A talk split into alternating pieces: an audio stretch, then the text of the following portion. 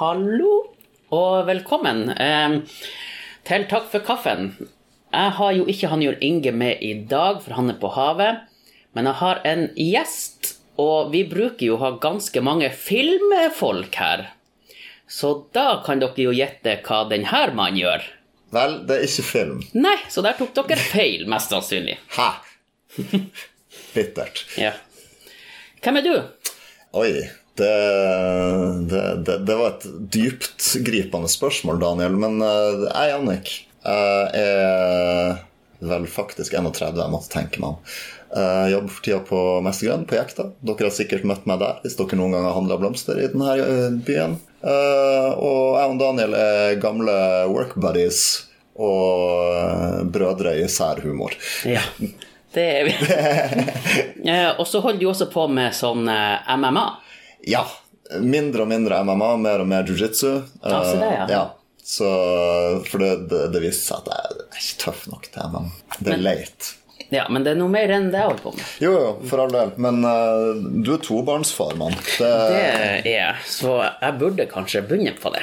Simulert kamp på liv og død er noe jeg er mye mer komfortabel med enn oppdragelse av unger. Så det, der slår du meg. Vi har alle våre måter å være tøff på. Ja, men jeg, jeg har jo gått på taekwondo. Du har gått på taekwondo. Ja. Det har jeg også. Ja, og jeg har jeg- faktisk blåbelte i taekwondo. Å, jeg, har, jeg, jeg fikk nesten eh, eh, en sånn gul stripe på det hvite. Ja, ok. Og da tenkte jeg at nei, det her blir for mye. Da jeg måtte sy den på sjøl, så tenkte jeg at det, det her gidder jeg Du innså jo bare veldig tidlig hvor lite funksjonelt taekwondo er som kampsystem. Altså, ærlig talt, Hvis du tar et skritt tilbake og prøver å sparke en kis i hodet når han går på deg, så blir du enten å falle på ræva, eller så blir du å bli politianmeldt for drapsforsøk. Ja, ikke sant? Så personlig så, så har jeg mye mer troa på å ta tak i folk og prøve å kvele dem. Som, Ja, for, for det er det jiu- jiu-jitsu er. Jiu-jitsu er en eh, kampsport som er utleda fra judo. mm. Så det er mer eller mindre ingen slag eller spark. Det er bare ta og kast. Ja, kast, men enda mer nisje. For at det er litt, det er litt tøft å bli kasta. Det, det gjør jævla vondt og sånn. Så noen glupe br- brasilianere fant ut at det her med leddlåser og kveling og alt det som foregår på bakken, det er jo kjempelurt. For at liksom, de fleste gateslagsmål ender jo på bakken. Ja. Så hvis du har peiling på hva du driver på med, og han andre kisen ikke har det, så har du gode odds. Yeah. Uh, Så den delen av judo som heter newasa, altså bakkekamp, ble da satt i system av en uh, gjeng med brasilianere. Og så ble det vi kjenner som brasiliansk jiu-jitsu, født. Yeah. Så vi judofolkene erter oss for at vi setter oss på ræva på begynnelsen av kampen. Oh ja, så dere setter dere bare Det, noen av oss gjør det. Jeg gjorde det senest på lørdag da jeg konkurrerte. Innleda jeg to av kampene mine med bare sette meg ned som en liten kosebamse. Og la dem Bare, komme «Kom og ta meg!» Ja, ja, men seriøst. Crawl atop of me and meet your doom. Det, det er det vi driver på med. er, er det da best å være underst? For meg Det er så mange Å, herregud. Du, eh, er du klar for noe skikkelig nerding her? Ja, ja, ja, ja, vi elsker elsker nerding. Bra. Eh, det som er greia med jiu-jitsu, er at det er så mange måter å gjøre det på. Det er så mange game, som vi kaller det. Mm. Så mange veier eh, på for å løse problemet som er å overkomme et fully resisting voksent menneske uten å slå dem. Så mitt game for eksempel fungerer veldig bra på bakken. Yeah. Uh, det er guard-gamet. Det er basically at jeg putter deg inn mellom beina mine, yeah. og så bruker jeg beina mine enten til å snu deg rundt, sånn at jeg er oppå deg, eller så bruker jeg beina mine til å kvele deg, eller til å ta tak i et av leddene dine og isolere det, og så brekke på det til du sier stopp. Akkurat. Så for noen av oss så er det veldig fordelaktig å sette seg på rumpa. Ja. Noen vil jo si men i en gatekamp skal du bare ja, hvis det regner Ja, ja, men liksom Jeg har ikke tenkt å gå ut og slåss bare Nei. for at jeg tilfeldigvis driver på med det her. Altså, det er mer som det er mer som topersonsyoga der vi ikke samarbeider. Mer enn slåssing, liksom. Men det er sikkert det de holder på med, dem som Hvis du har sett noen når man har vært ute på byen, så er det noen som bare sitter på bakken. Kanskje de venter på at noen skal komme, så de kan Det er mulig at det bare er en skikkelig oppesen jiu-jitsu-kar. Ja. Han har ikke tenkt til å starte stående engang. Han, bare- han bare sitter der og venter på trøbbel. Ja. At en eller annen fyllik skal se skjevt på han og så er det sånn ah! Kom og smak på De La Hiva-garden min, motherfucker. ja. Ja. Ja. ja. Men- jeg, har ikke tenkt på det før, men jo. Det kan godt det, det gir mening. ja.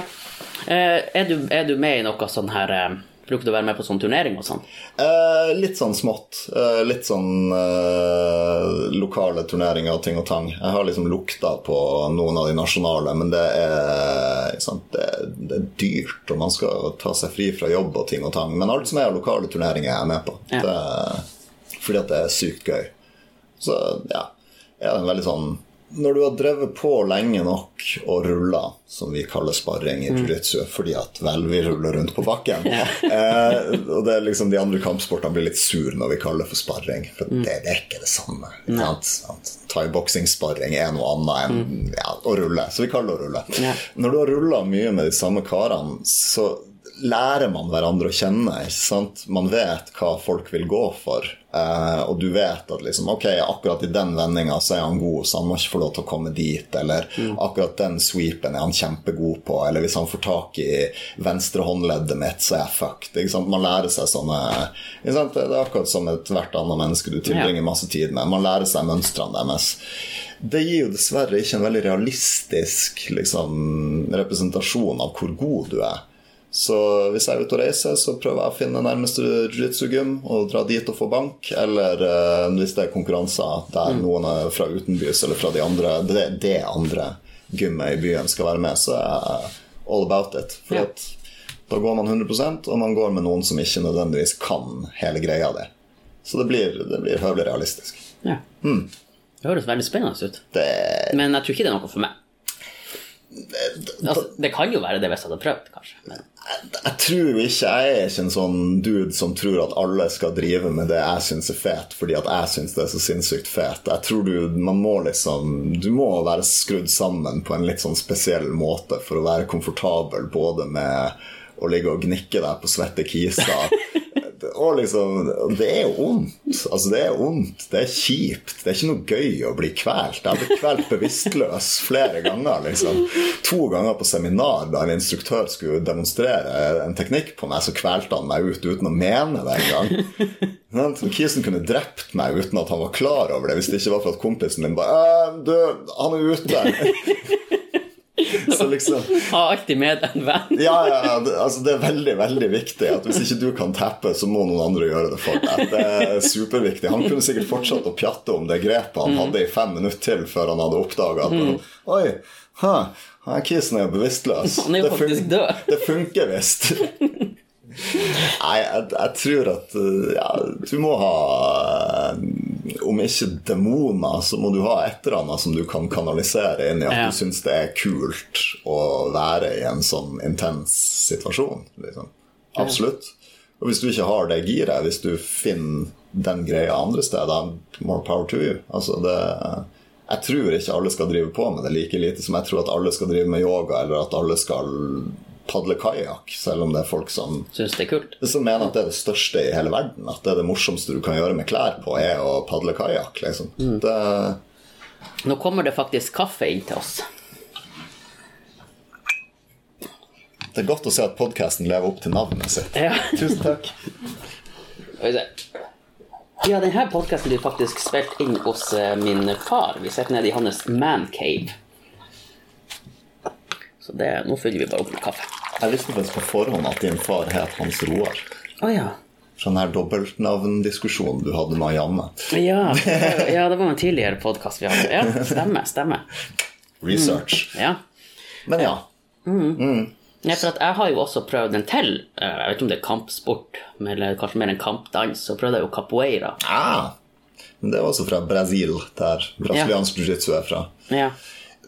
Altså, pff, det der er jo Det her med hva som funker, det er jo en sånn evig diskusjon i kampsportmiljøet, og spesielt etter at MMA ble greia. For da var det jo, ikke sant? I gamle dager så var det jo sånn at alle trente i sin lille dam og bare var, mente at det de drev på med, var det shit, for at det var det de drev på med.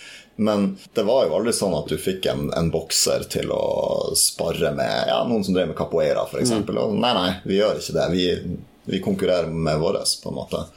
Eh, Det er faktisk folk som har brukt capoeira-teknikker i UFC, altså i, i MMA. Så å si at Men hvordan har det gått for dem? Altså, Det er jo ikke ren capoeira. Det er, ingen, det er ingen rene stilarter sånn i MMA lenger, sånn som det var i gamle dager. De første UFC-ene på 90-tallet det var jo som Street Fighter. sant? At du Ja. hadde en sumobryter mot en karate-dude, eller eh, judokar mot en muay thai-kar. Og folk drev og ja, både ballbusta hverandre, og det eneste som ikke var greit, var å bite og fishhooke, liksom. Så da fikk man jo den der gode Street Fighter-feelingen der man var veldig sånn ok, ok, det her funker bedre enn det her, det her funker bedre enn det her. Men det var ingen som ropte 'Sonic Bomb!' og Nei. så kom det ut en sånn her uh... Glatt karer som var crazy nok til at de hadde prøvd, men de kom aldri på øverste nivå. Men det fantes. ikke sant? Det fantes. Men plutselig så hadde du et laboratorium for å få testa stiler, og det, det her viser jo at det er ingen stil i sin rene form som funker. ikke sant? Du må alltid blande. Men at det er enkelte spark eller transitions eller sånne ting fra capoeira som er konge, hvis det blir brukt av en fyr som vet å bruke det. Ja. For jeg husker på Tekken, tror jeg det var, Ja. så har du han Eddie. Riktig? Og han driver på med capoeira. Riktig. Og han er det jo umulig å slå. Ja, ja. Ja. Ja, fordi at han Men altså, selv om det er et spill, og selv om det er jævla overdrevet, så peker det jo på essensen i stilen. At en capoeira-dude kan sparke deg fra en plass der du ikke skulle tro at det var mulig å sparke noen. Og han gjør det gjerne stående på ei hånd, så det er veldig sånn ah, What the shit? Hva, hva det her er for noe? Så det er jo sant. Altså, det er jo det å ha litt capoeira i arsenalet ditt vil gi en fighter, eventuelt. Den her muligheten til å plutselig bare dra ut noe som, som han andre kisen garantert aldri har trent for å forsvare. Ja.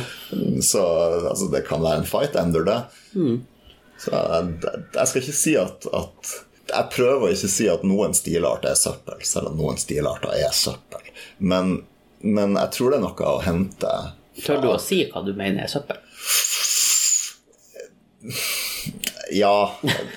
Aikido mener jeg f.eks. er søppel. Hva er aikido? Aikido er Det er ikke det pinnespillet du skal ta det her. Mikado. Det var det Mikado. De bruker pinner. Ja. De bruker pinner, og de bruker en litt sånn rar forståelse for balanse, så det har kanskje noe til felles med Mikado. Jeg vet ikke.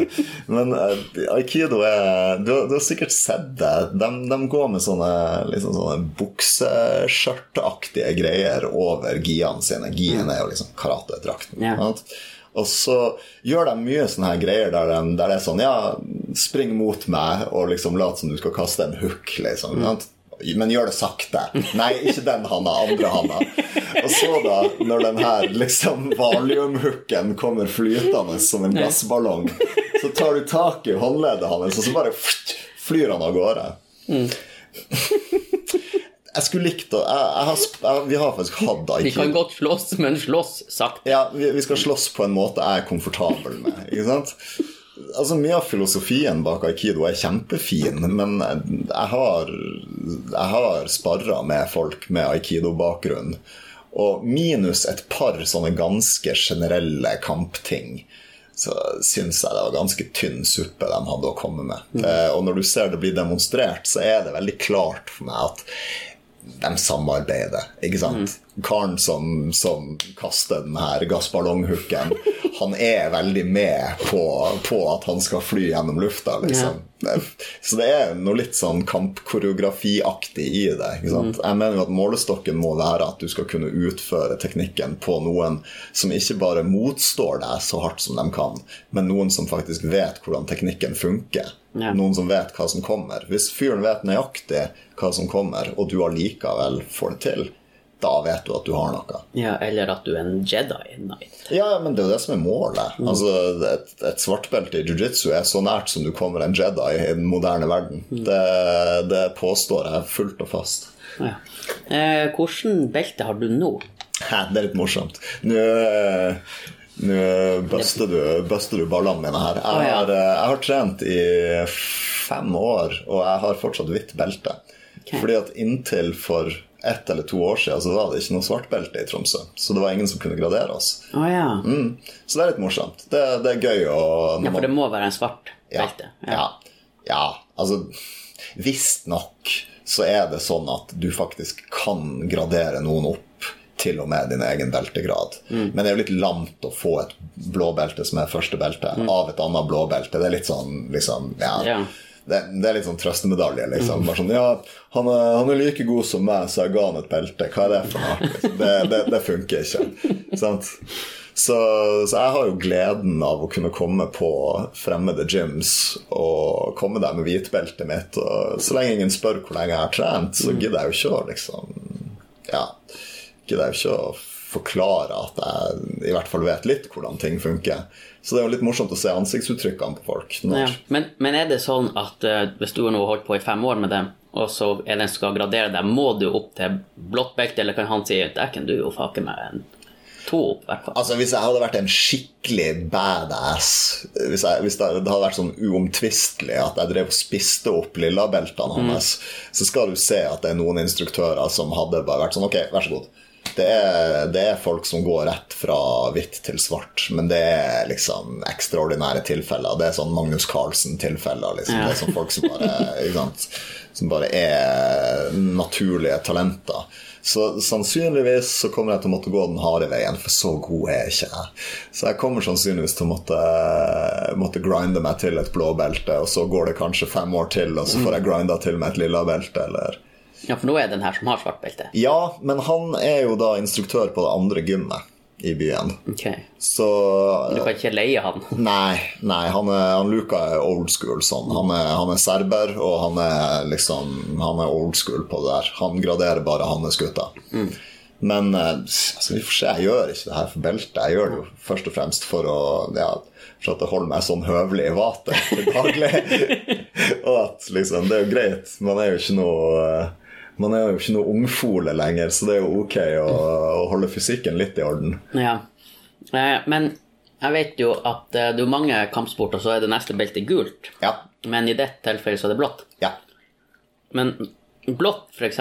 i taekwondo, er ikke det ganske langt opp? Ja, det er jo sånn, eh, i hvert fall med det systemet vi hadde da jeg trente taekwondo, så var det jo på en måte nest siste før svart. At det gikk blått, rødt, svart. Ja. Mens i jiu-jitsu går det hvitt, blått, lilla, brunt, svart. Og så etter det så er det svart og rødt, og så får du rødbelte. Men det er bare sånn hvis du var med å oppfinne jiu-jitsu, at du får rødbelte. ja, okay. Ja, så Så det fins ikke lenger, for jeg regner med dem er døde. Ja, det, det ble vel delt ut ett til, eh, til en eller annen fyr. I fjor var det vel, fikk han Hiksan, som han heter, rødbeltet sitt. Interessant. Men hei, eh, som sagt, ikke innit for beltene. Det er litt sånn her, ikke sant Det der med beltesystem tror jeg var noe som ble funnet på da kampsportene kom til Vesten, fordi at utålmodige vestlige mennesker skulle kunne ha liksom noe, noe liksom, se, se hva jeg har gjort i dag, liksom. Og, og på en måte, ja altså I jiu-jitsu for unger er det jo gulbelter og oransjebelter og liksom, ja, litt mer. Men, eh, men jeg tenker på en måte at hvis du er trygg på hvorfor du driver på med det, så trenger du ikke en farga stoffbit for å vise nivået ditt. Nei. Selv om jeg syns jo det er bittert å bare være hvitbelte. Det er klart det er klart det er bittert. Men det er jo sikkert artig å samtidig å ha hvitt belte, og så møter du en som har en annen farge, og så bare tar du han. Ja, jo jo, eller i hvert fall gir han mer motstand enn det han realistisk sett hadde forventa. Ja. Fordi at uh, shit, man, senest i sommer ble jeg bista av et gulbelte. En 16-åring som bare hadde det gøy med meg.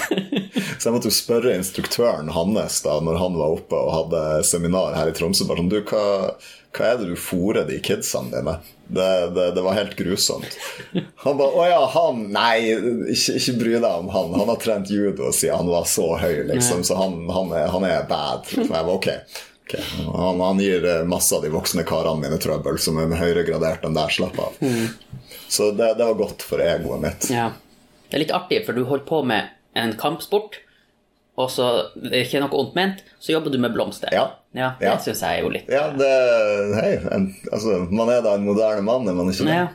Miyamoto Musashi, 1600-tallssamuraien, mente at det var like viktig for en kriger å kunne kalligrafi og hagebruk og eh, veving og sånne ting som det var å kunne knerte folk med en katana. Ja. Så jeg, jeg gjemmer meg bak det. At, eh, at det er veldig viktig å, å dyrke de her andre verdiene også. Ja, har du et sånn eh, bonsai-tre hjemme, da? Som du sier jo.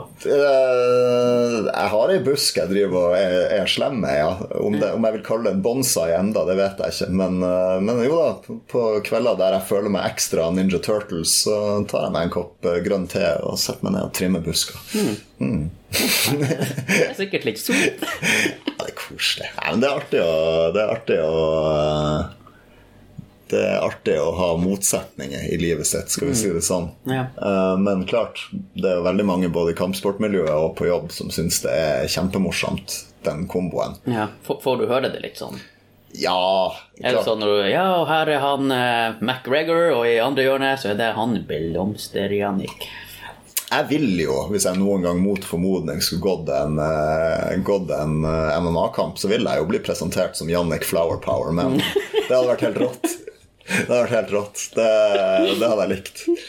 Ja, det har vært så artig. Vi får se. Nå skal jeg ikke gjøre blomstergreia så veldig lenge til, så det, det blir kanskje noen andre nicknames på veien.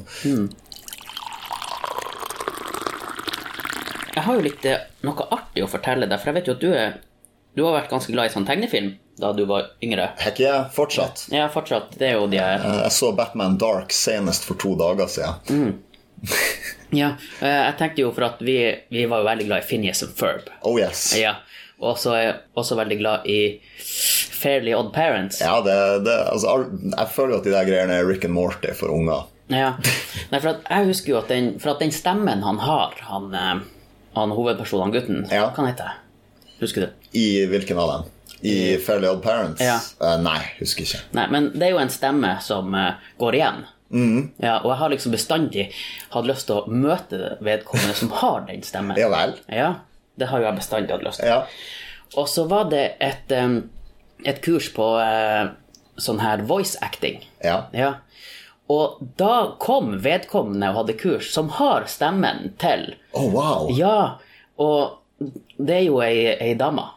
Det er jo gjerne sånn at, Ja, at smågutter er kvinnfolk Ja. i tegneserier. Ja. Og hun, hun, hun presenterte seg sjøl som Norges eh, mest anonyme kjendis. Og det tror jeg på. Hun. Ja. heter jo eh, Lena Meiran. Okay. Ja, så det var jo kjempestort for meg. Og jeg tenkte på det med en gang hun sa hvem hun hadde vært stemme til. Ja, Eller jeg, jeg drev faktisk og spurte hun ut. Ja. Så hun er jo også stemmen til han Dexter. Ah, Så det var jo, jeg ble jo skikkelig starstruck. Og jeg tenkte å, jeg skulle ha han Jannik her. Jeg synes hun gjør aksenten veldig bra.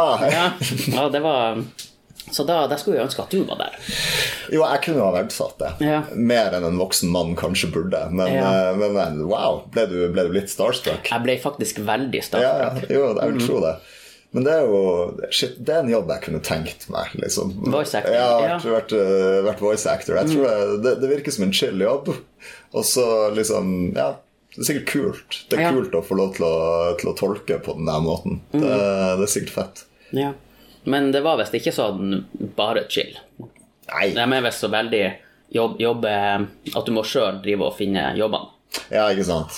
Ja, Men ikke sant, hun, hun er jo såpass kjent, og hun er jo også stemmen til hun Jesse i Pokémon. ja ok. Ja. Ja. Så hun har jo den stemmen og det går jo enda. Ja, sant, så hun, hun lever relativt fett til voice actor. Ja, det vil jeg jo si. Ja, ja. Jo, men shit, frilansgreier, altså. Det er jeg ikke tøff nok til. Nei, ikke, ikke heller. Det, det, er liksom, det er en grunn til at man har jobba i barnehage og blomsterbutikk og ting og tang, selv om det kanskje ikke var det man drømte om da man Nei. var liten gutt. Og det er jo at det er greit å vite at det kommer ei lønning. Ja. Det, jeg tror det må være superbrutalt å være frilanser. Men eh, det var også eh, en som var med på seminaret. Det var jo han Harald Mæle. Og Da ble man faktisk enda mer stas. Vet du hva?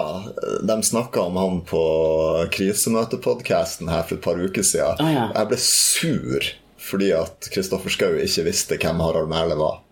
Jeg kjente at det tok jeg personlig. Ja. Det- ja nei, jeg, jeg blir også når jeg spør eh, Eller jeg sier at For eksempel, vi var jo og spiste middag med han. Ja. så jeg bare, vet du hva jeg var og spiste middag med? Jeg var og spiste middag med han Harald Mæhle. Så bare, å ja. Hvem er det? Ja, det var Det er sånn at Du får lyst til å riste folk og bare Hadde du en Disney-kassett da du var liten? Han. Ja, That guy. that guy. Når du hører denne lyden, Ja. kan du bla om. Og han er jo stemmen til onkel Skrue, og han snurrer sprett. Ja, mange. Altså, Han er jo en G. Han har jo fått gjøre alle de, alle de store. liksom, er det jo han som har gjort. Han var jo, han var jo ett når det gjaldt norsk voice acting Ja, en stund. det var jo bare han. Ja, ja, For han gjorde alt, liksom. Han jobba jo for NRK også. Han var, Ja. han var bare the voice. Jeg mener det er han også som har eh, Når du starter hver Disney-film, så er det en sånn reklame. Ja, det er jo han. Ja, ja. Altså, Kan man si på en måte at han er Norges Morgan Freeman, kanskje? Jeg syns vi skal si det. Jeg, jeg syns det. Ja. Uten, uten liksom minus Shawshank Redemption og sånn, men, men ja, ja. Ja. ja. Jeg syns det. Jeg, jeg syns at Harald Mæhle er en norsk kulturpersonlighet som trenger mer anerkjennelse. Absolutt. Ja. Det, det, det syns jeg er noe denne podkasten skal jobbe for. Bytte, bytte navn på podkasten. Ja. Eller enda bedre, få et stikk med Harald Mæhle, liksom. Det, ja. Det har vært artig. Man kan drømme. Det kan man. Men jeg, jeg har jo også litt lyst til å få, få hun Lena Meiran på. Ja. Så jeg tenkte hvis jeg drar til Oslo en gang, skal jeg bare høre med henne. ja, men lett. Lett. Hvor kult hadde ikke det vært? Det var. Altså Det er jo det som er problemet når man har podkast. Det er jo å fortsette å finne gjester. Ja.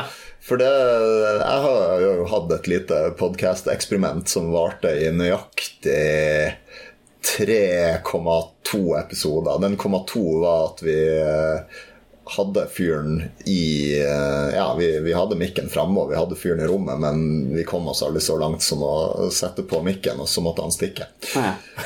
Og så, ja, sånn var det. Men vi gikk jo ut for hardt. Vi fikk jo, For det skulle jo selvfølgelig være en kampsportpodkast, det er jo klart. ja. Ja. Så vi fikk jo en, ja, en, en, ja, en sånn relativt kjent fighter på, på seminar i klubben. Og så kapra vi jo selvfølgelig han en dag og bare sånn Du, du har ikke to timer til overs. Har du lyst til å være med på podkasten vår som vi akkurat har starta nå?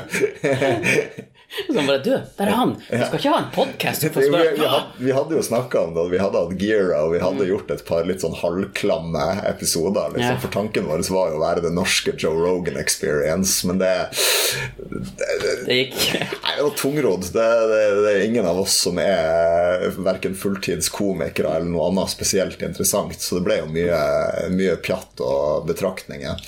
Men i hvert fall den første episoden var jo dødsbra. Vi fikk jo sånn Ja, vi fikk jo lyttere i utlandet og greier, for kompisen min la det ut på forum og så greier. Eh, episode to eh, og det her er uten forkleinelse til fyren det, det gjelder, for han er en awesome fyr, men det var en Bård fra Badlands. Liten nedadgående kurve der. Fyr som har vært profesjonell fighter i Japan og USA. Fyr som har drevet en skateboardbutikk i Tromsø. Lite, lite skritt ned. Så vi nådde aldri de svimlende høydene på et par tusen klikk som vi var på til å begynne med. Og da fant vi ut at da skjøt vi bare i hele greia. Etter Ja. Og så kom den, og det var den tredje episoden som Ja, faktisk ble det bare 2,2 episoder. ja. Jeg lurer på om vi tok opp en episode til, men som vi aldri ja. Uansett, du, du, du har eh, lyktes mye bedre med podkastformatet enn det jeg noen gang gjorde. Ja, ok, ja. Og jeg tror du har lagt det opp riktig. At Start hjemme, og så jobber man utover. Den første bør være elendig. Eh, Nettopp. Ja. Den første podkasten skal være crap, Ja, mens og- for oss var den første podkasten vår sannsynligvis den beste. Ja. ja, for den første her, den, den var jo ganske trasig. For at Jeg hørte faktisk ikke første episoden deres fordi at jeg vet at første episode er Ja. ræva. Såpass bevandra er jeg i denne verden. Ja, nei, for den, den var jo Det var jo bare sånn at Ja, du, nå har vi jo tid, skal vi prøve å ta opp? Ja, ja, vi, vi prøver å ta opp. Og så tok vi nå opp den episoden, og så under episoden så ringte det jo en selger til meg, så hvem jeg tok på høyttaler, og så hadde vi han med. Men eh, ja. Men jeg, jeg har jo tenkt at det kan jo bare bli bedre. Jo, det, det er viktig at kurven går oppover. Og det som er så bra, er at etter hvert som man fortsetter? Når man er oppe i et par dusin, eller tør jeg si det, kanskje et par hundre episoder, så er det jo sånn at hardcore-fansen De blir å gå tilbake til første episode og bare Og den, den hvor rar han Daniel hørtes ut. Snakka han sånn? Wow! Så det er Men det, liksom det spørs om vi får de her blodfans. Nei, si ikke det, mann. Pludrepodkasten er et bra format. Altså, jeg mener, jeg elsker jo f.eks. krisemøter, og det er jo bare to liksom, noen og 40 år gamle kiser fra NRK-miljøet som sitter og snakker om hvor komplisert det noen ganger er å være to 40 år gamle kiser fra NRK-miljøet. Men eh, det jeg skulle fram til, er at innholdet i den podkasten er ikke mange hakkene over det her. Det er bare for at de karene tilfeldigvis er kjent for andre ting. Så, you know, gi det tid. Hvem som vet? Ja, altså et godt heng med to karer du aldri har møtt, det er faktisk en vare folk eh, er villige til å gå flere ganger etter. Ja, men det er jo, det er jo godt å høre. Ja, jeg tror det. Så hvis dere har spørsmål eller artig historie, så kan dere sende det til takkforkaffen at gmail.com. Nice. Nemlig. nice. Bra. Jeg liker, jeg liker hvordan du bare fletta det inn. Ja, sant? Godt jobba.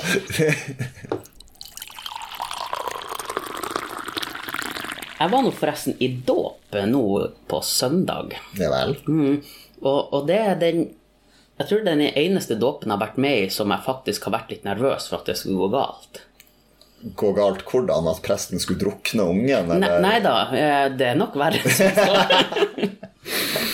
Nei, det var fra, fra der jeg satt, så han hadde et stearinlys som sto sånn kjempesvært. Ja, sånn dåpslys. Ja. Ja. Og så hver gang han eh, skulle låne barnet for å holde det opp, Ja. så så jo jeg at den ungen så jo fryktelig nært det her stearinlyset ut. Så jeg var jo kjemperedd for at plutselig den her dåpskjolen bare skulle voff. For du vet at i hvert fall hvis det er en sånn gammel dåpskjole som har gått i arv, så er det ikke noe fire safe-materiale. Det er noen knuske, tørr, gammel lin som bare Ja, men de hadde jo vann rett bak. Det er sant. Så du Ja. kunne bare kasta ungen i døpefonten, og så Ja.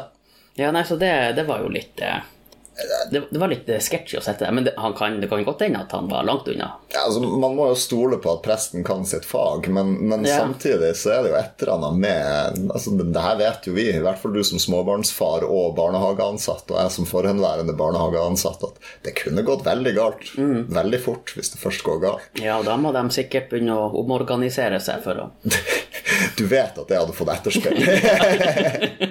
For sånn dåpslyset må stå utenfor den teipa linja. Ja. Det er regelen.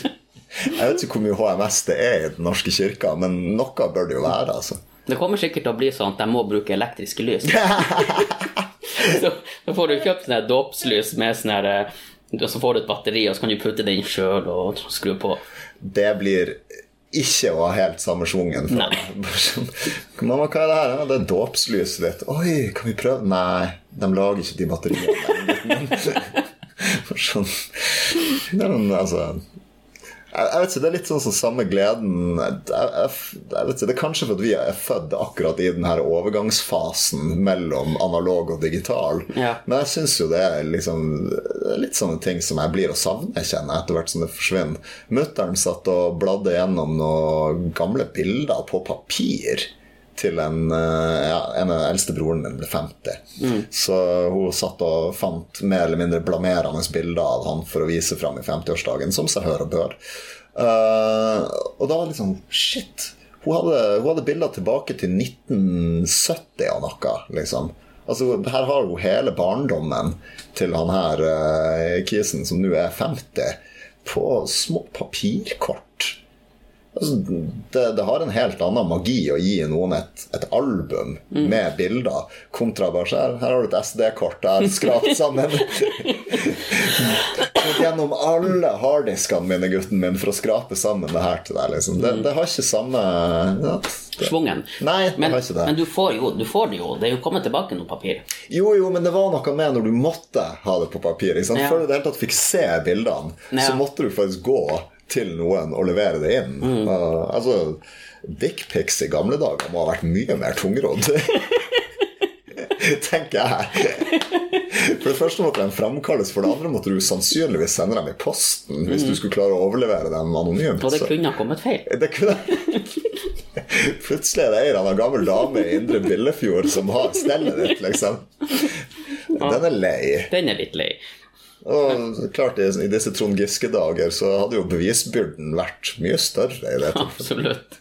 En paper trail av Kanskje man hadde blitt sykemeldt av det. Jo, man hadde i det minste ikke stått på valglista neste valg. Det er sikkert og visst. Det, du har gått til mye mer innsats da. Hvis du bare sånn subtilt bare knipser et kjapt bilde av deg sjøl og ja, kommer an i sendeknappen, liksom. Det er jo sånn som alle og enhver kan råke ut for. Men hvis du faktisk tar bilde av stellet ditt, går og får det fremkalt, kjøper porto og passende konvolutter og sender det av gårde, da begynner du å være i seriemorderterritorium, spør du meg. Liksom. Da er det ikke sånn at du bare kan Ja, men det var jo bare uskyldig, liksom. Altså, har, det var et uhell. Ja, det, det, blir plutselig det, det, er mange mer eh, Da har du gjort det med overlegg. Liksom. Jeg føler det burde være graderinger her. Det, det, er noe sånt som Eh, det er noe sånt som liksom forsettlig dickpic og uaktsom dickpic. Altså, det er graderinger her. Det må være lov å si i disse metoo-tider at, at liksom, det er grader av det her. For én grad. Da var du amatørpornograf. Ferdig. Done. Men apropos de her eh, papirbildene nå. Det, vi var og skulle fremkalle noen bilder. Og da var vi på Japan Foto ja. på Jekta. Ja. For der kan du sitter der og venter på bildene, ja. så kommer de ut. Men eh, når du har 146 bilder du skal fremkalle, så tar det ikke ti minutter. Nei. Nei. Det ble litt venting. Det ble litt venting, og det er ikke sånn at du kan gå og gjøre noe annet imens, for da kan noen ta bildene dine. Da kan plutselig dickpic-bildene havne i feil lomma. Eller enda verre, plutselig havner en dickpic i bunken din. Ikke sant? Uten at du Jeg vet vet ikke hva som er verst, egentlig. Og så bare 'Daniel, er det du som har lagt den her?' Du, kjære, den her er svart. A girl can dream. Nei, jeg ser den, altså. Men det må jo Det er sånne øyeblikk jeg ikke liker. Det er for sånne øyeblikk jeg har headset og er glad for at jeg har smarttelefon. For Hvis jeg bare skulle sittet der og sett på den printeren spytte ut bilder, så hadde jeg hatt tid til å tenke over sånne ting man ikke skal tenke for mye over. Mm. Det er i sånne øyeblikk du stiller deg selv de store spørsmål. Hva gjør jeg egentlig med livet mitt? Hvordan endte jeg opp her? Men, men, du kan også ha to barn. Da kan du heller ikke Nei. sitte og tenke sånn. Nei, sant. Faen, kanskje jeg burde få meg unger, så blir det litt mindre av den her navlebeskuelsen. Det, det, kanskje det. Ja. Det, det, er noe å vurdere. Kanskje jeg har for mye meg-tid. Jeg har aldri tenkt i de banene, men det er godt mulig at mulig. Faen. Faen. Du har meg inne på noe her. Ja, altså Skolen jeg skal begynne på, har jo tilnavnet Sogn jord- og fruktbarhetsskole. For det, det er gjennomsnittlig flere graviditeter per skoleår. Ja, for du skal studere Du, jeg skal uh, gå på en skole der de underviser i økologisk landbruk. Mm. Så ideelt sett så skal jeg bli økoagronom. Og da gjør du Eh, da dyrker jeg planter økologisk og selger dem forhåpentligvis med en slags profitt. Ja. Så tanken er, tanken er, å starte opp en produksjon av kortreiste grønnsaker. Mm. Mm. Sånn i utvida perspektiv. Men, uh, men ja. Det er sikkert lurt å gå på skole først, ja, tenker jeg. Og så skal jeg jobbe for en fyr i sommer nede i Hardanger som driver på med det her med suksess, og da lære av sånn som han gjør. For det er et lite sprang mellom å være en hippie med en drøm og en åker og dyrke til sjølberging og faktisk få et levebrød på en kort norsk grønnsakssesong. Det er liksom Ja. Hva, hva er en kortreist grønnsak? Nei, jeg vil si at uh, ideelt sett så skal ikke tingene ha reist noe særlig lenger enn ja, et par mil. Helst egentlig ikke mer, men, men altså, det er jo ikke realistisk. Men hvis vi sier et par mil, og det er jo dels av miljøhensyn, men også av kvalitetshensyn. Mm. Altså, hvor mange pakker ruccola har du fått ødelagt av de der par råtne, liksom, og så smaker hele posen råttent? Mm. Altså, det er jo det er skikkelig crap kvalitet, spesielt på ja, sånne ting som salatgrønt her oppe. Vi er ikke klar over hvor dårlig kvaliteten er, men ikke sant? Alle greiene vi får opp, er jo på sitt beste når det ligger på bilen. Så jeg tror jo, jeg tror jo, det, jeg tror jo det er liv laga, bokstavelig talt, ja.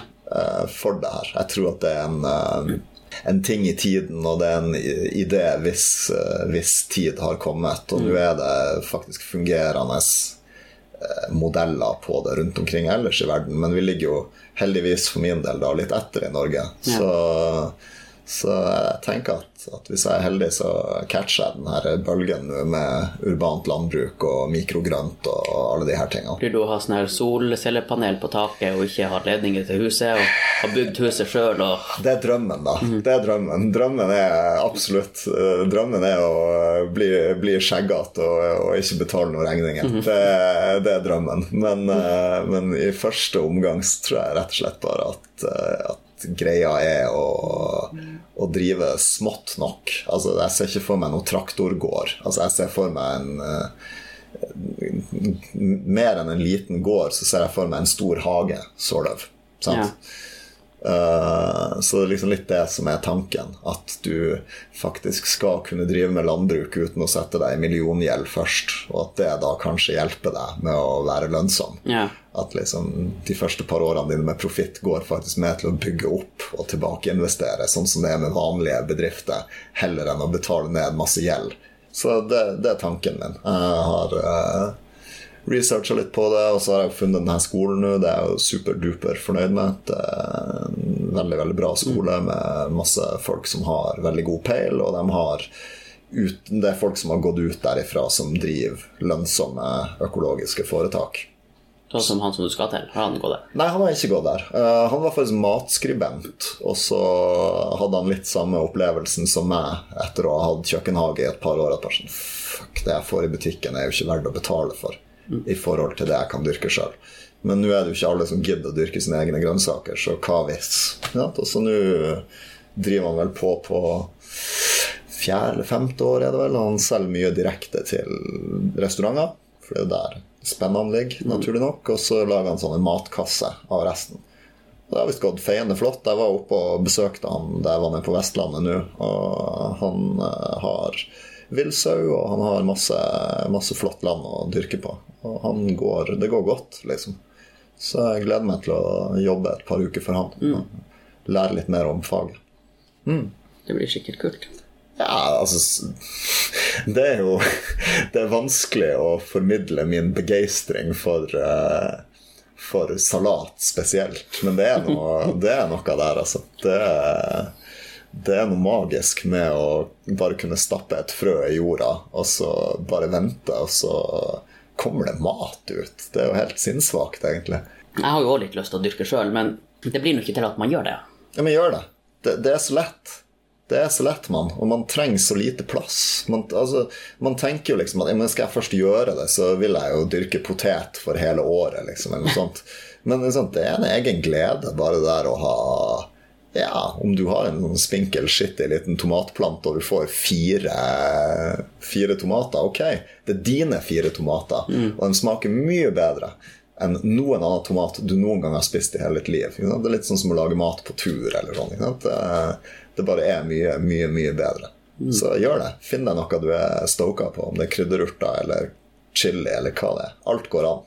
Jeg har dyrka masse rart innendørs under lys. liksom. Både chili og spire og agurker og alt mulig rart. Må du ha noe spesielt lys da, eller er det, bruker du bare nattbordlampa? Ja, aller helst så bør du jo ha et sånn LED-panel, men sånne vanlige, vanlige sånne lysstoffrør, det er konge eh, plantebelysning. Så det skal veldig lite til, altså. Det, det, og det er masse rart som funker fantastisk bra her oppe. Selv om man ikke tenker det. At vi, vi er altfor langt nord, og vi har jo en måned med sommer hvis vi er heldige. Men eh, det er masse greier som lar seg gjøre, altså. Og mer og mer hvis man bare gidder å gidder å få litt, eh, litt fagkunnskap i tillegg, da. Ja. Så jeg sier gjør det. det Kanskje jeg skal prøve det. Jeg har nå forresten hørt at eh, tomaten er kjøtteter. hva? Nei, det, men det er jo fra QI. Å ja. For at de her bladene på tomaten Ja. Hvis det går ei flue på, så setter den seg fast. Ja. Og så bare Og så bare får eh, at, at den tomaten gjødsler seg sjøl ved å drepe insekter. Ja. Wow. Og alt på QI, det må være sant. Ja, altså jeg syns jo veldig ofte at de, de er veldig flinke å vri ting til å passe med ordlyden. Men, eh, men absolutt, planter er eh, Planter er lumske skapninger. De Men- gjør mye mer enn vi tror. Ja. Men det kan jo være at bare, ja, nei, altså hvis det dør et insekt i nærheten av planten, så vil planten få i seg de proteinene. Ja, Det kan jo være det. Så da er jo sikkert alle planter Altså, kjøttetere. i, I overført betydning så vil altså, Vi har jo alle sett 'Løvenes konge'. sant? Ja. 'Pappa, hva skjer med oss når vi dør?' Ja. Mm. Vi blir til gress, så videre. Sirkel av liv. Alt det der. Men det er jo sant. ikke sant? Så den der, eh, det der eh, kunstige moralske skillet som veggisene har, det tror jeg kan bli oppløst etter hvert. Fordi at all forskning som gjøres på planter, viser jo at det foregår mye mer Ja. i dem enn det vi tror. Altså De er mye mer bevisst på omgivelsene sine enn det vi tenker. Så hvis du på en måte ikke spiser kjøtt for å ikke forårsake lidelse, det er greit. Altså For måten vi gjør kjøtt på nå, er ikke ok. Liksom det, jeg, kjøper, jeg kjøper 49 kroners kyllingfileten, jeg også, men jeg vet jo at den kommer fra hønse Auschwitz. Det, sant? Det, it's not cool. Men, men uh, på en måte å, å kappe en plante for å spise den jeg tror ikke den planten syns det er kult. Jeg tror ikke den er sånn Ja, spis meg! Men, men man spiser jo som regel eh, bæra til den planten, på en måte. Eller, jo, jo, men når du spiser grønnsaker, så spiser du selve planten. jo da, det er noe sant. Altså, Du har jo faktisk folk som er så sprø at de er fruitarians. At de bare Er, spiser er det veganere? Nei, nei, nei. nei, nei, nei. Eh, fruktarianere, eller hva det heter på norsk, jeg vet ikke hva det heter på Mm. norsk, men de spiser ideelt sett bare nedfallsfrukt. For at de ønsker ikke å forårsake planten lidelse, så de tar bare det planten gir fra seg, mann. Og de kan jo ikke se her helse, hel, healthy ut. Nei, Steve Jobs drev visst på med det der. Eh, og liksom Uten å godte meg over at en fyr har dødd av kreft. Du ser jo hvordan det gikk med han. Så jeg vet ikke helt. Og det er litt det der eh, Hvis du i Nord-Norge skulle leve på en nedfallsfrukt Det hadde blitt noen magre måneder, ellers så må du bli jævla glad i tørka blåbær. Det er liksom Det er enten-eller. Ja. Så Men ja, nei, ikke noe, ikke noe angrep på folk som er veggiser. More power to you. Men, uh, Men til dere som er vegetar, vegetarianere, altså, det, dere spiser kanskje kjøtt? Ja, altså karmisk sett så eh, henger jo Alt liv kommer ut av død, og alt liv går tilbake til død, så get off your high horse. Men sånn, hvis du ser tilbake på i steinaldertida, så tror jeg jo ikke de dyrene de tok, hadde det særlig godt. Nei, og liksom hvor fett er det Hvor kult er det egentlig å bli drept av et rovdyr? Altså Hvis, hvis jeg fikk valget Nå kan du rusle inn her på det her eh, sterile, vaska lokalet til Gilde, og så kan du bli eh, bedøvd og ja, avretta på en human måte. Eller Du kan bli spist av en bjørn og håpe på at den begynner med hodet ditt. Jeg vet hva jeg ville valgt hvis det først var sånn at, at, liksom, at jeg ikke fikk lov til å dø i senga med i all stillhet. Liksom. Så, så det er noe, det er noe sånn kunstig og rart der med at vi, at vi ikke er komfortable med hele den her dødgreia. I guess. Jeg vet ikke. Det, det, det her er skikkelig, skikkelig bra humorhøring her. Det her er artig.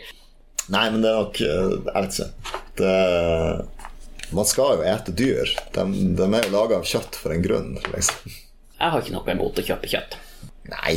Eh, Men jeg syns jo det er litt For jeg har jo hørt at eh, den største eh, Hva det heter Ozon... eh, Største CO2-kilden. Ja, det er jo kyrne. Ja. Stemmer.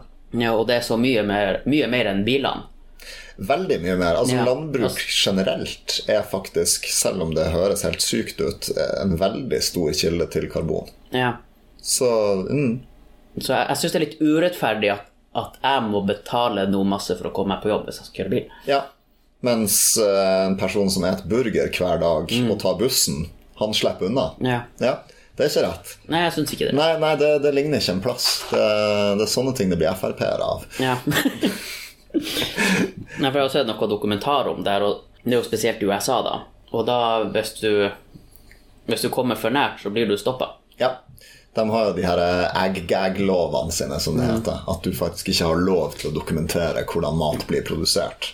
Og det er jo litt av at sånne ting fins, at Ja. jeg har lyst til å bli bonde, sort of. Jeg vet ikke om jeg kan kalle meg bonde, ærlig talt, når jeg nå ender opp med, med bruket mitt. Men, eh, men det er jo det her eh, som er litt rart, at skal, skal vi ikke kunne lage mat på en estetisk tiltalende måte? Og det tror jeg jo absolutt at man kan. Altså, ja, greit, dyr skit. Sant? De gjør det. Så det, det lukter litt bæsj hvis du har mange nok kyr. Ja. Men, men, men liksom, bortsett fra det, så, så er det ingen grunn til at de her dyrene skal ha det kjipt. Det er jo ikke det. Det. Vi kan gjøre det på en måte der de ikke har det kjipt. Og det er en av de tingene som var veldig kult med å være, på, på liksom, være i praksis på en melkegård. For den gården jeg var på, den, den var ikke stor, men den var ty, liksom typisk for en norsk gård. Han hadde vel eh, noen og 30 kyr alt i alt. Og åpen fjøs, og han slår sitt eget gress og alt det der. Så norsk landbruk, selv om det er veldig mye eh, rare ting, og vi blir mer og mer industrialisert og mer og mer som f.eks. USA i hvordan vi driver, spesielt med høns, så er f.eks. melkedrifta i Norge er det er bare for at de her bøndene innimellom gjødsler gresset sitt, og at de kjøper kraftfôr, at de ikke kan kalle seg økologisk. For at norske kyr de et gress hele året rundt. Om vinteren så får de silo, ikke sant? så de er grønnfòra, i motsetning til kyr i Tyskland eller USA, eller til dels i Danmark er de veldig industrialisert også. ikke sant? Så så det var sånn, ikke bare som liksom, interessert i fagfeltet, men også som en fyr som syns det er digg med ost, så var det fint å se at liksom, dyrene har det faktisk ganske greit på en gjengs norsk gård, og det drives på en ganske eh, relativt miljøvennlig måte. I det at du har kulturlandskap til gress og sånne der ting, så, så blir det det karbonregnskapet blir mye bedre. Sant? Og kulturlandskapene er veldig bra for andre dyr enn de dyrene som beiter der. Sant? Det er mye flere forskjellige arter på ei velholdt eng enn hvis du lar den enga gro igjen til krattskog. ja. Og det er det som skjer over hele Norge, at de her kulturlandskapene som vi har brukt ja, sannsynligvis tusenvis av år noen steder i Norge på å bygge opp, nå bare i løpet av en generasjon gror igjen. Det, det er trasig. Eh, Men har du tenkt å, å holde på med dyr? Kanskje. Kanskje. Eh, jeg var og besøkte en geitegård, og da fikk jeg litt sånn hm, Geiter er jo kule, dem. For hvis du har, hvis du har eh, Jeg tror nok ikke jeg skal ha kyr. Hvis jeg skal ha kyr, så blir det et par bare sånn for å ha melk sjøl, og for at kyr faktisk er veldig trivelige dyr. De er veldig koselige. Eh, men geiter er jo, er jo for det første mye smartere. Du trenger mye mindre ting og tang til dem. ikke sant? Eh, og de rydder faktisk opp på beitet sitt. Geit eter jo den der eh, liksom, tegneseriemyten om at geiter et blikkbokser og sånn, det er nesten sant. De et hva enn. Så hvis du har en plass som holder på å gro litt igjen, Så hiv ut ei geit, så hiv ut geiter. De rydder opp. Alt av småbusker og ting og tang, det, det blir de å ete i løpet av et par sesonger. Så, så de gjør jo faktisk en, en tjeneste, i tillegg til at du kan gjøre ting med melka. trenger du ikke den her eh, gressklipperen som går på bensin. det er akkurat det som er. Det er naturens gressklipper. Så, så i, i liksom hvis, hvis jeg skal tenke veldig stort, så tenker jeg jo at å drive med grønnsaker på en eh, mest mulig økosystemvennlig måte nok sannsynligvis på en eller annen måte inneholder å ha dyr. Om så ikke for å liksom slakte dyrene og leve av å selge kjøttet deres, eller whatever, men bare fordi at dyr et planter og gjør det om til uh, bruk. Ja, nettopp. Ja, men skit er en ressurs. Skit er ikke bare skit. Altså, som, Det er noen som bygger husene sine av skit Visst gjør den det. Altså, mm. Kumøkk kan brukes til alt mulig rart.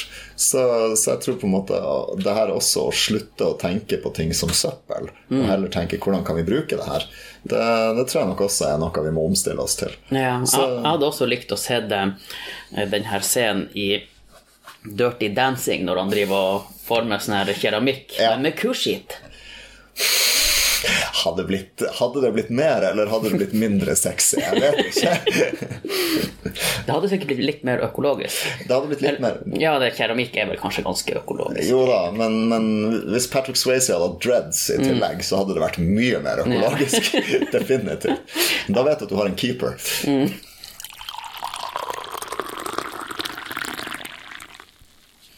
men du, eh, jeg spurte om du hadde tre historier. Ja, Har du det?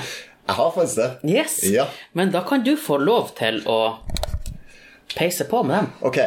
Uh, siden jeg vil ha deg delaktig i det her som programleder osv., så, videre, så er en av dem er barndomshistorie. Mm. Uh, en av dem er historie jeg teasa tidligere i podkasten om uh, mitt ublide møte med en kvinnelig tysk idrettsutøver ja. av kampsportslaget. Jeg, jeg, tror det var før vi starta, faktisk. Ja, okay. Så jeg tror ikke det er kommet opp. Men ja. ja sorry, da tiser jeg det bare til Daniel, Daniel, ikke til dere. og så er nummer tre om en litt lei situasjon på flyplassen. Ja. ja. Mm, det blir spennende. Så jeg vet ikke hvordan Skal vi ta dem i kronologisk rekkefølge, kanskje? Ja, ja. det kan vi gjøre. Okay. Barndomshistoria er jo uh, litt sånn cheering, fordi at jeg var jo egentlig bare vitne til det her. Det var ikke uh, hvis det hadde vært credits, så hadde jeg ikke fått noen hovedrolle her. Nei, sant, Hovedrolleinnehaverne i dette dramaet var min far mm. og min eh, da to år gamle lillebror. Ja. Eh, vi hadde vært på en eh, flott liten telttur ute på Sommerøya. Nydelig vær til Nord-Norge å være. Det var sikkert godt over tolv grader og steiksol. Så da var det jo bading og alt det som hører til. Sant? Så vi hadde vært fra fredag til søndag. Eh, Kosa oss som bare det. Skikkelig, skikkelig 90-tallsidyll. Og så skulle vi dra. Det man må vite om min bror, det er at han er sannsynligvis den mest psykologisk og humørmessig stabile av oss to i dag. Mm. Men da vi var små, var det absolutt ikke sånn. Du, du, vet, du, vet, sikkert fra barnehagen hvor sta og jævlig en toåring kan være. Ja. Brutter'n var sånn. Mm. Sånn hyling og gråting og ja, hele greia. Så brutter'n hadde da satt seg for at han ville ikke dra. Vi skulle bo her. det her var virkeligheten. Ja. telt og sandstrand evig sommer. Det var det som hadde satt seg i hans to år gamle hjerne. Ja. Så det begynte jo allerede før vi skulle gå opp til bilen. Med ja, hyling og grining og snørr og nei og avstikking og liksom Så mye resistance som en toåring kan gi deg. Men mutter'n og fatter'n er ikke noe sånn nymotens 'ja, vil du det?'-foreldre. De er sånn 'nå har jeg sagt det, nå blir det sånn'. Ja. Eh, så faderen tok brutter'n under armen som om han var en sekk poteter, og bar han den ja, kanskje skarve kilometeren det var tilbake til bilen. Når begynner historia, Jannik, tenker du kanskje. Mm. Vel, den begynner her. For da faderen skulle få brutter'n inn i bilen Jeg vet ikke om noen som ikke har prøvd, vet hvor vanskelig det er å få et lite barn som ikke vil noe, til å gjøre det uten å gjøre skade på barnet. Det visste jo selvfølgelig broderen, så han skulle for alt i verden ikke inn i den bilstolen. Og han skulle i hvert fall ikke ha på seg en sikkerhetsbelte. Så etter at han hadde plundra med det i ja, noe som føltes som en evighet for meg, for jeg satt jo der som den vettskremte lille fireåringen jeg var. bare Hæ? Går det an å si nei til foreldrene våre? Og slippe unna med det? Altså, det var, det var mind-blowing. Mm. Det var Neo og The Matrix. liksom, at bare sånn Nei! Er det en option? Men i hvert fall. Eh, faderen bantes og snøfta og styrte. Og til slutt så var han lei. Etter en udeterminert periode tid. Mm. Så jeg ser da at faderen puster dypt, drar hodet sitt ut av bilen, står og speider et lite øyeblikk etter noe. Jeg vet ikke hva. Kanskje en annen familie, kanskje en vei ut av denne situasjonen. Jeg vet ikke. Før han da til slutt sier OK, greit, til min lillebror, som da sitter på gulvet i mm. bilen og ja, liksom går full retard, som de sier. And you never go full retard. Mm. Plukker broderen opp etter buksebaken og nakken og slenger han ut i skogen. Min eh, undring og liksom ubehag med situasjonen går over i raseri. Og jeg hyler til fatter'n. Du kan ikke hive den eneste lillebroren jeg har! Hva er det du gjør? Akkurat idet han gjorde det her, kom det selvfølgelig et gammelt par forbi på søndagstur. De kommer rushende bort til bilen og begynner å kjefte faderen huden full. Når fattern forteller denne historien, så er han veldig nøye med å poengtere at han sikta seg ut den mykeste tua han så ved siden av bilen. Og broderen fløy ikke mer enn halvannen meter. Liksom. Altså, det var ikke snakk om at han kunne blitt ordentlig skada.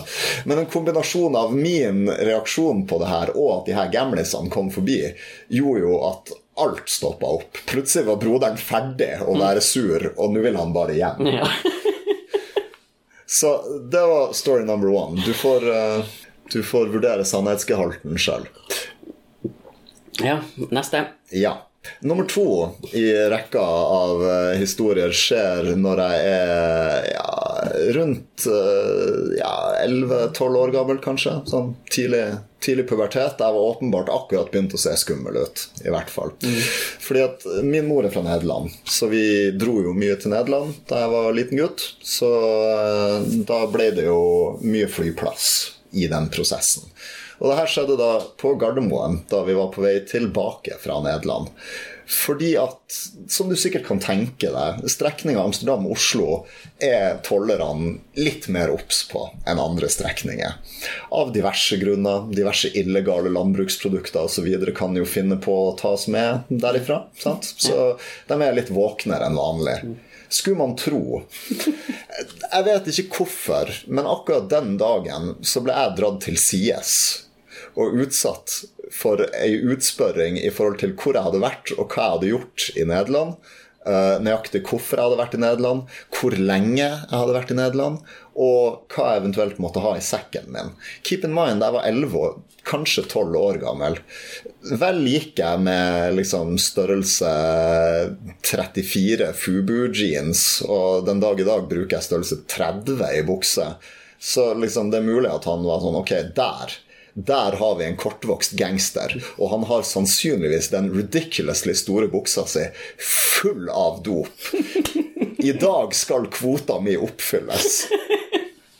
Så det var jo liksom behagelig nok, for så vidt. Det ble jo ikke noe kroppsundersøkelse og sånn, for mutter'n lurte jo fælt på hva som foregikk bak det her forhenget. Mm. Uh, men jeg slapp jo unna uten hansken eller noe, og det var en liksom litt beskjemma toller som sto igjen der da mutter'n informerte han om at jeg var tolv år gammel. Så der hadde vi en fyr som ikke helt kunne jobben sin, tror jeg. Og ikke fant han noe dop på meg heller, så you know. Jeg hadde gjemt det godt, sant. så det, det, var nummer to. Ja. nummer tre er jeg, jeg gikk noen runder med meg sjøl om jeg skulle fortelle det her. Fordi at det, det, er ikke ei kul historie, og den setter ikke meg i noe godt lys. Og for så vidt setter den ikke hun dama i et spesielt godt lys heller, litt ettersom hvordan du ser på det. Men kanskje vi får flere lyttere? Ja, det er mulig. Here goes. Uh, så for uh, ja, tre år siden, kanskje Jeg hadde, ja, hadde trent i to år da så hadde vi eh, en gjesteutøver i klubben vår. Jeg skal ikke nevne navn, for det er veldig mange som vet hvem hun er, bare ut ifra Det miljøet er veldig lite, men whatever. Eh, hun er tysk. Hun har svart belte i judo. Og hun veier like mye som meg, 70 kg, men hun er et haug lavere enn meg. Eh, og hun skulle ha oppkjøring til sin første eller kanskje andre amatørkamp i MMA. Yeah. Så da ble jo jeg en naturlig sparringspartner for henne mens hun var under oppkjøring til kampen. Og jeg vet hva dere tenker. Sparer dere jenter mot gutt? Når vi må. Det er ikke så mange jenter som driver på med det her. Vi driver ikke og prøver å knekke hverandre på trening. Det går vanligvis helt bra. Vanligvis. så uh, Hun var ei uke ut før kampen. Vi hadde hatt teknikktrening, vi hadde blitt gode og sliten. Nå har vi kommet til sparringsdelen av treninga. Han som leder treninga, sa Jannik, du og hun går. 40 det her er uka før, uh, før, kamp. Hun skal ikke ha noen skader. ikke noe sånt. Hun skal bare gå lett og ledig, sånn at hun får, uh, får øvd inn strategiene sine. Jeg vet ikke om det var en språkbarriere, eller om 40% er noe annet for henne, eller om 40% betyr noe annet i Tyskland. Kanskje hun her jenta ikke har 40% Jeg vet ikke. Men det første slaget hun åpna den sparingsrunden med Den sparingsrunden var for så vidt tre minutter lang. Det kjentes ut som en evighet. I hvert fall det slaget hun åpna med. Hvis det er 40% syns jeg jævlig synd på motstanderen hennes i den kampen. For det var hardt, Daniel. Ok? Det var så hardt, og jeg skammer meg for å si det her, at jeg ga henne mye mer enn mine 40% i retur, for å si det sånn. Men det hjalp ikke. Det hjalp så lite. Det hjalp så inderlig lite. For med en gang hun fikk tak i meg Alle som vet litt om judo? Og to år med hobbymessig kampsporttrening mot et konkurransetrent judosvartbelte som har drevet på med det her siden før hun kom med puberteten. Sant? Det funker ikke. Så med en, gang hun, med en gang hun kom seg nært nok, så tok hun tak i meg. Hun kasta meg hardt. Jeg tror aldri jeg har møtt bakken så hardt i hele mitt liv. Og så, mens jeg var i lufta, la hun seg oppå meg i lufta, sånn at vi landa med henne på toppen. Bang!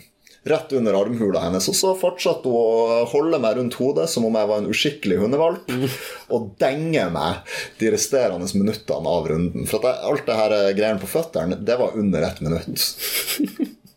Så jeg har fått slegg av ei jente. Og hvis noen har lyst til å mobbe meg for det her, så kan de gjerne gå en runde med hun jenta. Så skal vi se hvor mye de har lyst til å mobbe etterpå. Because there's levels to this shit. Det var mine tre historier. Det var dine tre. Så den første det var den sommerturen på Sommerøya. Og så var det flyplassen og gi en sjekk. Ja. Og så var det den sparringa. Eh, Jeg, jeg kjenner jo ikke far din. Jeg tror ikke jeg har møtt far din. Nei. Så jeg vet jo ikke hvordan han er. Så det, men jeg vet jo at en toåring kan få deg til å få lyst Ja. til å Ja, ja. Man kan det. man kan det. Man trenger en del selvkontroll ofte. Ja. Ja. Eh, og så Man kan jo bli tatt inn i en sånn random check på flyplassen. Man kan det. Ja, Du var tolv år, Ja. så det her var på 90-tallet, da, sikkert. Ja. Sent 90-tall. Ja. Men var nå dem så strenge da? Nei, jeg vet ikke. Jeg, var, jeg har jo bestandig vært liten, så jeg har jo ikke blitt random checka. Nei, og jeg ser jo litt mer svartsmuska og skummel ut enn deg, og sånn var det sannsynligvis da vi var guttunger også. Jeg har noe kriminelt ved meg. Det, Ja. det er ikke til å komme unna. Og så har du fått Julie Altså, det ja, det- Det er vanskelig. Det er jo ganske vanskelig. Jeg tenkte jeg skulle gjøre det vanskelig for deg. det var jo litt skitt. Vi bruker jo å være rådårlige på det her, Jørn Inge. Men eh, Og det er jo en kjempeartig historie, det er egentlig alle. I hvert fall én og tre. Ja, Så jeg håper jo at de er sanne. Så derfor går jeg for to, Som fake. som fake. Ah, Historiefortellerevnene dine svikter deg ikke, min venn. Var rett? Det var rett. Yes! Eneren og treeren er fullstendig sann. Åh, det, det er bra. Vi trenger sånne Ja. være sanne. Scenarioet i to har skjedd, men det skyldtes at jeg hadde en passer i sekken min. Ja, ok, ja, Ja. Så det var en løgn. Vi bruker vanligvis å få dem til, som forteller, til å fortelle mer etterpå. Ja. Men du fortalte nå egentlig ganske mye av historien, så Ja. ja. ja. Nei, altså treeren er det ikke mye mer å si om. Den hadde, det hadde sin naturlige slutt. Det var heldigvis over da den runden var over, og det er jeg veldig glad for. Men hvordan oppførte hun seg etter det? Var sånn, ta for vi ta en kaffe? Hun, hun er ikke ei sånn jente. Hun, hun var litt mer sånn hele veien, og hun var etterpå også. det var liksom hele veien. Så Vet du hvordan det gikk med kampen hennes etterpå? tror hun vant. Egoet mitt velger å tro at hun Neida, men alvorlig talt, vi sier jo i Spesielt i jiu-jitsu er vi veldig glad i å si at, at størrelse og styrke har ingenting å si, og at det er kun teknikk og alt det der. Men i et tilfelle jeg har fått juling av jente. Det her er ikke eneste gangen jeg har blitt fucka opp av ei jente, men det her var det verste. For det her er den eneste gangen jeg sparra MMA med ei jente som faktisk var mye bedre i MMA enn meg. Mye, mye bedre. Men eh, ja da, jeg har, eh, har vært på besøk på andre gyms og, og blitt Ja.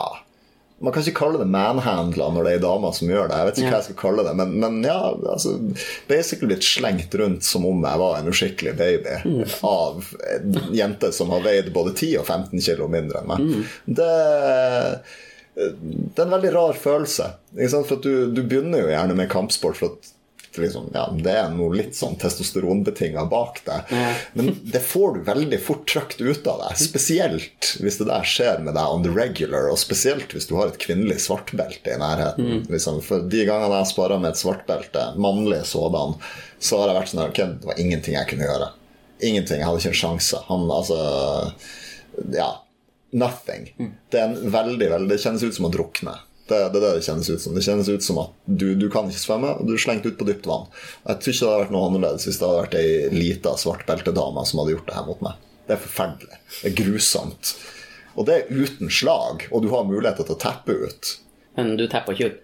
Ikke mot hun her eh, tyske, for hun slo meg jo bare. Var, du kan ikke liksom Du er, du er litt pysete hvis du tapper ut til slag. Å, ja. Det er litt frowned Å, ja, okay. Du skal ta det. Ja, okay. Du skal ta det. Du, det skal du ha Det skal du liksom være hard nok til.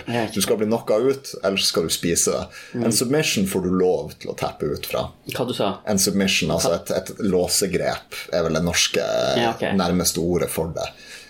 Låsegrep eller kveling, felles bete- submission. Så da er det greit å tappe ut, for at du, da har du valget. Bli bevisstløs, få foten eller armen din brekt, eller tappe ut. Men når du da på en måte er i en sånn her eh, god gammeldags hodelås, og dama driver og denger ansiktet ditt sånn på noe jeg fortsatt insisterer på var mer enn 40 Det hørtes litt sånn ut. Ja, så altså, Hvis jeg hadde vært smart, så hadde jeg jo bare Nei, nok, nå resetter vi, liksom. Men, men stoltheten min tillot meg ikke det. Det var sånn, nå har vi kommet så langt, nå må vi bare ri han hele veien hjem. Det, skaden er skjedd. Nå må du ta medisinen din. Uff, ja, nei, det var en bra historie. Nei, men eh, nå tror jeg vi har nok. Takk for kaffen, Daniel. Ja, En ære å få kaffelere med deg. Ja, likeså. Vi må gjøre det her flere ganger. Ja, gjerne. Fett. Yes, nei, men ha det bra. Takk for kaffen.